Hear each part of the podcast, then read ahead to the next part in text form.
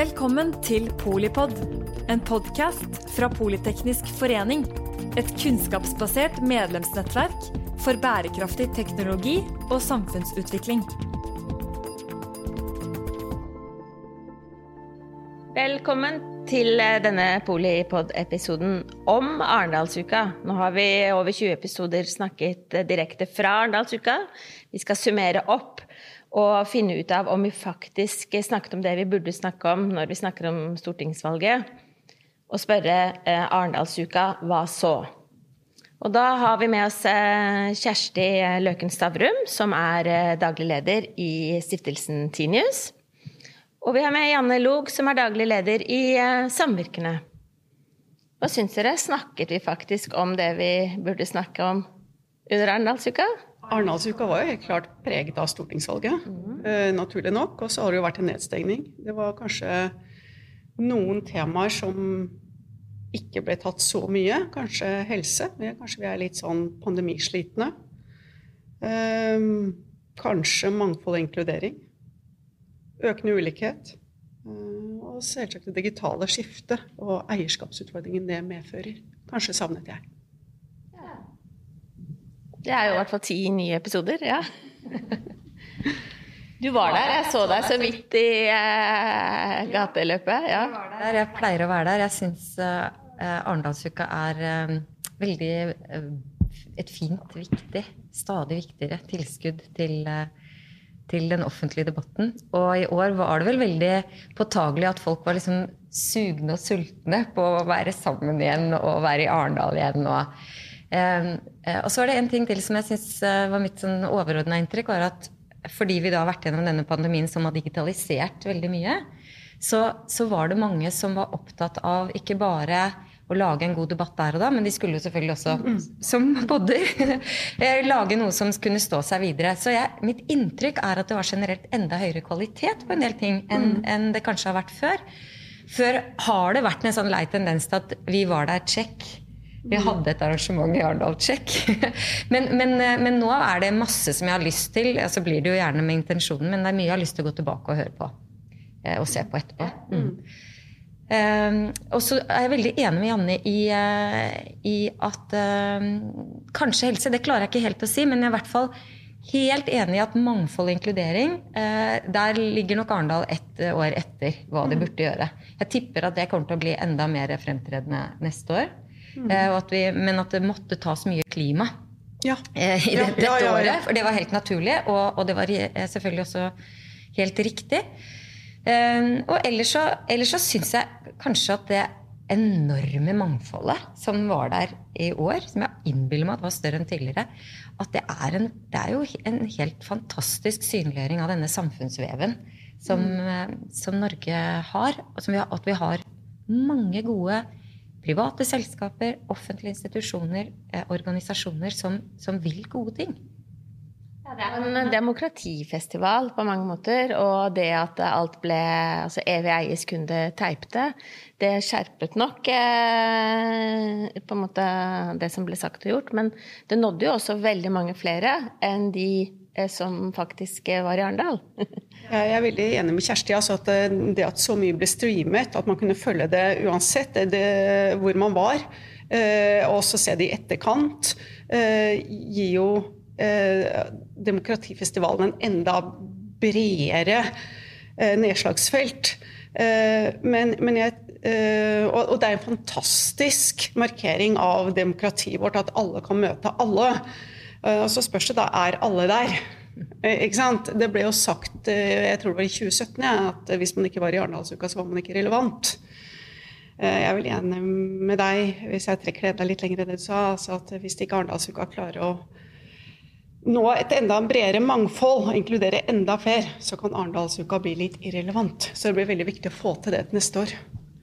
Og, der blir litt sånn paradoksalt nok eh, samtalen om Arendalsuka blir, blir formålets fiende. fordi jeg synes vi, vi, er så raske til å snakke om at det er en at det er elite der, og at det er litt sånn alle de som snakker altså Man skal liksom hele tiden snakke det ned. Eh, og hvis du går rundt der, så, så syns jeg det er litt trist. Det er ikke, noe, ikke nødvendig å snakke ned Arendalsuka. Ja. Eh, det er helt, tvert imot bedre å snakke den opp. Og så tror jeg for de som bor i området der nede, som kan dra dit uten å være stressa på å finne overnatting. Det er en egen podkast, mener jeg. Mm. Overnatting i Arendal! ja, du må kjenne noen, eller ja. liksom ja. Men det til side. De som kan bare dra dit, eh, være heldige å finne en parkeringsplass og gå rundt der, de oppfatter nok Arendalsuka veldig annerledes enn de som kanskje sitter i Oslo og bare leser om mm. det som kan framstå som et eliteprosjekt. Eh, og det gjør det jo selvfølgelig fordi at det ofte er fokus da på partilederdebatten. Eh, og, og, den blir litt toneangivende, tror jeg, for de som ikke er der. At man tror at det er den som preger uka, men det gjør den jo ikke. Nei, nei, det er jeg helt enig i. Altså, det, det, er eh, jeg vet ikke, er det ikke over 1000 debatter der? Du, kan jo oppsi Nesten hvem som helst kan løfte en debatt der. Så, sånn at jeg er helt enig. Altså, du, du, har en veldig stor bredde, og, og det er virkelig en fantastisk feiring av demokratiet vårt. Du, du har jo lignende arrangement både i Danmark og i Sverige. Sånn at det, det er kommet for å bli, altså. Ja, dette er mye mer åpent enn i våre naboland. Ja, Almedalsvekkan i Sverige har jeg ikke vært på, men jeg har prøvd. men ikke lykkes. Og det sier vel kanskje litt det, mm. blir, det er jo klart, Vi sitter jo i Norge, så blir det enda mer logistikk og, og krevende med overnatting og sånn. Og så har jo den også fått et veldig dårlig ord på seg for å være kanskje i sterkere grad preget av fest. Eh, men så syns jeg nok også at eh, etter pandemien så tror jeg vi må bare være glad for at hvis folk har lyst til å være sammen, henge sammen og prate mm. sammen, så er det heller ikke feil. Så fremt man klarer å stå på morgenen. Ja. Ja, det gikk jo veldig bra. Det var jo full rulle fra klokka åtte overalt i byen.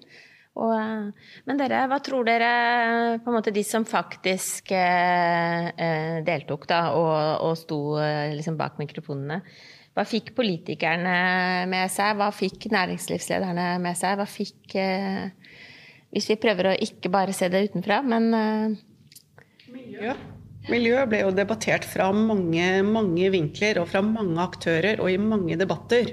Eh, det, der fikk mange mulighet til å lære mye. Mange perspektiver som vi brakte opp. Syns jeg Jeg savner kanskje digitalisering av helse. Eh, som jeg nevnte. Men, eh, men miljø absolutt som de helt store temaet. Eh, jeg syns det er veldig interessant det med miljø. fordi at det kanskje Arendalsuka bekrefter, er inntrykk av at vi har et veldig ansvarlig næringsliv som jeg, jeg oppfatter at har grepet bærekraft og bærekraftsmålene, veldig raskt gjort dem til sine egne, gjort det til en, eh, en målsetting å, å, svare de opp. Mm. Eh, så politikerne blir nesten mer en sånn icing på det arbeidet som, som, eh, som pågår i så mange retninger. Eh, en bekjent av meg, eh, Knut Ivar Karvold, han er jo f.eks. klimapsykolog. Mm. Eh, han var en bidragsyter der nede. Hentet inn av finansnæringen ikke sant? Mm. for å snakke om hvordan man kan nudge i riktig retning. Altså det er så mange gode krefter som, som ønsker dette, at det, det syns jeg helt klart Arendalsuka mm. bekrefta. Eh, men, men, eh, så er det også mange andre gode ting. Jeg, jo, eh, jeg startet, Da du sa klokka åtte, så kom jeg på at jeg, var nemlig på en 08-redegjørelse om, om, personvern i regi av Datatilsynet. Det var veldig interessant. Det, var, sånn, det er sånn kickstart på dagen, i hvert fall for oss som er opptatt av personvern, overvåking, utidig overvåking. Å få en sånn eh, faglig sterk eh, gjennomgåelse, redegjørelse av, eh, av viktige ja, rammevilkår for den offentlige samtalen. Veldig, veldig bra. Jeg har lyst til å høre litt mer om det, for jeg syns jo personlig også det ble litt eh, Og det ble kanskje litt sånn nedsidefokusert versus uh, alt det som ligger i verdiskapingspotensialet da, rundt uh, egentlig våre felles dataressurser. Vi har fleipet litt med at de ti oljebudene ble skrevet på en serviett i sin tid, i 69. Og vet ikke om vi kan skrible det ned noen type databud, men hvor verdiskapingen og forvaltningen er, er, kanskje viktigere enn liksom bare den risikoreduksjonen. Da. Og dere jobber jo med det, så Fortell oss litt eh, hvor landet ligger. Nei, men jeg er jo enig altså, i forhold til hva vi har vært igjennom de siste årene med digitalisering. Altså At vi alle kunne jobbe på eh, hjemmekontor. At produktiviteten i liten grad har gått ned nettopp pga. digitaliseringen. Men også utfordringen ved at de globale eh, gigantene har hatt en sånn enorm vekst. Eh, også da eier veldig mye mer data, f.eks. Så jeg, at de store utfordringene knyttet til det var kanskje i liten grad oppe. Og, og, for de som har lyst til å lese opp på et tema, så vil jeg f.eks. anbefale en kronikk av Kjersti Løken Stavrum i Dagens Næringsliv. Nei, men bare fortsett! Hvor hun uh, skriver litt om um, Silicon Valley og Hollywood. Uh, og Der har du en del av tematikken oppe. Så det, det, det er en tematikk som er oppe i, på, i mange arenaer, og som absolutt må debatteres. Der? Nei, der skriver jeg akkurat den, den parallellen er ganske interessant. Det, det, var vel en kronikk hvor jeg tok opp en ti år gammel bok av Tim Wu som heter 'Master Switch', hvor han ser på faren for at vi kan, hvis ikke vi gjør noe nå, så kan vi sitte med noen selskaper som sitter med hovedbryteren og kan slå av og på hvem som kommer inn og ut. Og så er jo egentlig da eh, USAs forrige president et godt eksempel på at det kunne de faktisk gjøre. Men det som også er interessant i den boka, er å se hvor, hvor, hvilken parallell Silicon Valley i dag er til Hollywood eh, fra førkrigstiden, eller mellomkrigstiden. Fordi, eh, fordi at da på et tidspunkt så ble de så sterke at de eide hele verdikjeden. De eide det fra liksom, De eide manusforfatterne, de eide skuespillerne, de eide studioene, de eide filmkameraene, og de eide kinoene. Eh, så, så, og det eh, var jo veldig lukrativt inntil det kommer en konkurranseretts eh, høyesterettsdommer og sier at nå, dette går ikke lenger. Vi er nødt til å ta konkurranseloven vår på alvor. Og så må de selge kinoene. Og det, det syns jeg var et, en, veldig, det er en veldig god parallell. Da. og Nå snakker vi oss inn i et helt annet tema, men, men det gjør ikke noe, for dette er viktig. Mm. ja. men, jeg, men jeg tenkte, da du sa nedside, så tenkte jeg at det er alltid en utfordring når man skal lage seminarer og lage ikke sant? At det er jo veldig lett å falle for bekymringer.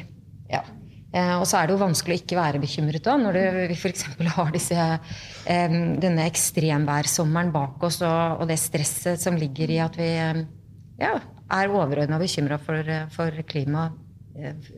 Hva vi står foran. Men, men, men, det er jo alltid en viktig balansegang. Det der å passe på å se muligheter i bekymringene, og, og heller prøve å by på hva kan vi gjøre, istedenfor å skape en kollektiv håpløshet. Det, det, det tror jeg egentlig jeg syns går ganske bra. For de fleste vil jo lokke folk til seg når de har arrangementer, og da må man jo være litt mulighetsorientert. Men det er jeg enig med deg. Altså, det å, å, skifte fra bekymring til mulighet. For hvis man ser hvordan vi har håndtert pandemien, både med eh, hensyn til tillit, vaksinering, eh, um, eh, arbeid, digitalisering, så har det vært nok en suksesshistorie for den norske modellen. Så jeg er helt enig. Og hvis vi da tar med oss det perspektivet inn på hvordan vi har diskutert miljø, bl.a. på Arendalsuka, og ser hva næringslivet gjør og er i ferd med å gjøre, så gir jo det enorme muligheter. Så det er jeg enig i. Mm. Så er det sånne ting med Arendalsuka som er ganske morsomt, som ble eh, måte kanskje enda mer frustrerende i år, for det var jo så fullt. ikke sant? Altså, i, og med at, eh, I og med smittevernreglene så ble det jo færre plasser enn før. Og, og du kunne liksom ikke stable inn for mange. Så da var det jo en del ting som jeg hadde på lista, hvert fall, som jeg ikke kom inn på. F.eks. For fordi du alltid treffer noen på gata på vei dit. men det er jo også veldig hyggelig. Så kom det litt sent, og så var det fullt. Men, men det gjorde at vi eh, var ute med sekretariatet i Ytringsfrihetskommisjonen en del av tiden der. Og da ramlet vi inn på et arrangement som Virke hadde i, i det som het Sløyden, tror jeg, som var oppe på høyden bak ved kirken i Arendal. Eh, ved ved gymnaset der. Og så Eh, og der var det veldig få plasser, for de satset på et digitalt, eh, digitalt eh, sending. Og vi var litt sånn Ja, ok, la oss se hva dette er. Og da Frøy Gudbrandsen i, i Bergens Tidende, sjefredaktøren, var der, så var det liksom og Trygve Svensson, så vi visste jo at det måtte være interessant. Men da fikk vi på kjøpet, eller på en sånn bonusmateriale, en, en redegjørelse av hvordan arbeiderklassen har flyttet seg i, i, stemmegivning og i det politiske landskapet. Og det var for det første veldig relevant for oss, for det jobber vi med i kommisjonen. altså klasse- og maktstrukturer. Men, men, men, også den der følelsen av å få sånne bonusspor da, som de bare snubler over. Ok, hva gjør vi nå? Jo, vi går dit istedenfor. Og så wow, så bra. Det jo, skal du ikke kimse av, eh, rett og slett. Og det, jeg tenker, eh, det var litt sånn Du kom tilfeldig Vi var på Bærekraftshuset. Og så gikk vi eh, feil til Bærekraftscenen. Og der var det også masse interessant. Og vi lærte og, og tok med oss folk derfra til eh, vårt eget arrangement. ikke sant? Som, og det er jo litt sånn Nå er det politeknisk, og det er jo mangfold eh, per definisjon. Men jeg, jeg syns også at Arendalsukas eh, på en måte fikk løftet opp mye mer eh, de store spørsmålene, kompleksiteten og hvordan ting henger sammen. da. Eh, fordi vi er eh, så tett på hverandre. Og, og så er det sånn at det er jo Det, er, det kommer jo en sommer Når det en gang kommer neste sommer, hva skal vi da snakke om? Mangfold. Mangfold blir viktig. Jeg savnet f.eks. Eh, perspektiv fra mennesker med funksjonshemninger. Utenforskapet eh, ble kanskje, i den grad det ble løftet, løftet i Arendalsuka Altså i, ikke under Arendalsuka, men i samme uka av Abid Raja ved hans bok. Eh, sånn at jeg syns det kanskje ble en litt sånn slående kontrast til eh, til den litt elite til den Oslo-bobla. Altså jeg er enig i den der at vi må se på mulighetene, og, og, det er en fantastisk festival, men vi må likevel også se på muligheten til å bli bedre. Sånn at uh, uh, f.eks. mennesker med funksjonshemninger uh, og hun uh, Maid i VG skrev jo om ikke innvandrerne er viktige nok. ikke sant? Innvandrerperspektivet, LBHT. sånn at det er grupper der som ikke blir inkludert eh, eller ikke er med på å sette agenda eller et eller annet. Så det, det tror jeg blir viktig å, å, være med og løfte til neste år. Og da vil man jo ha litt bedre tid, for da vil det forhåpentligvis ikke være en pandemi, og så er det jo ikke stortingsvalg.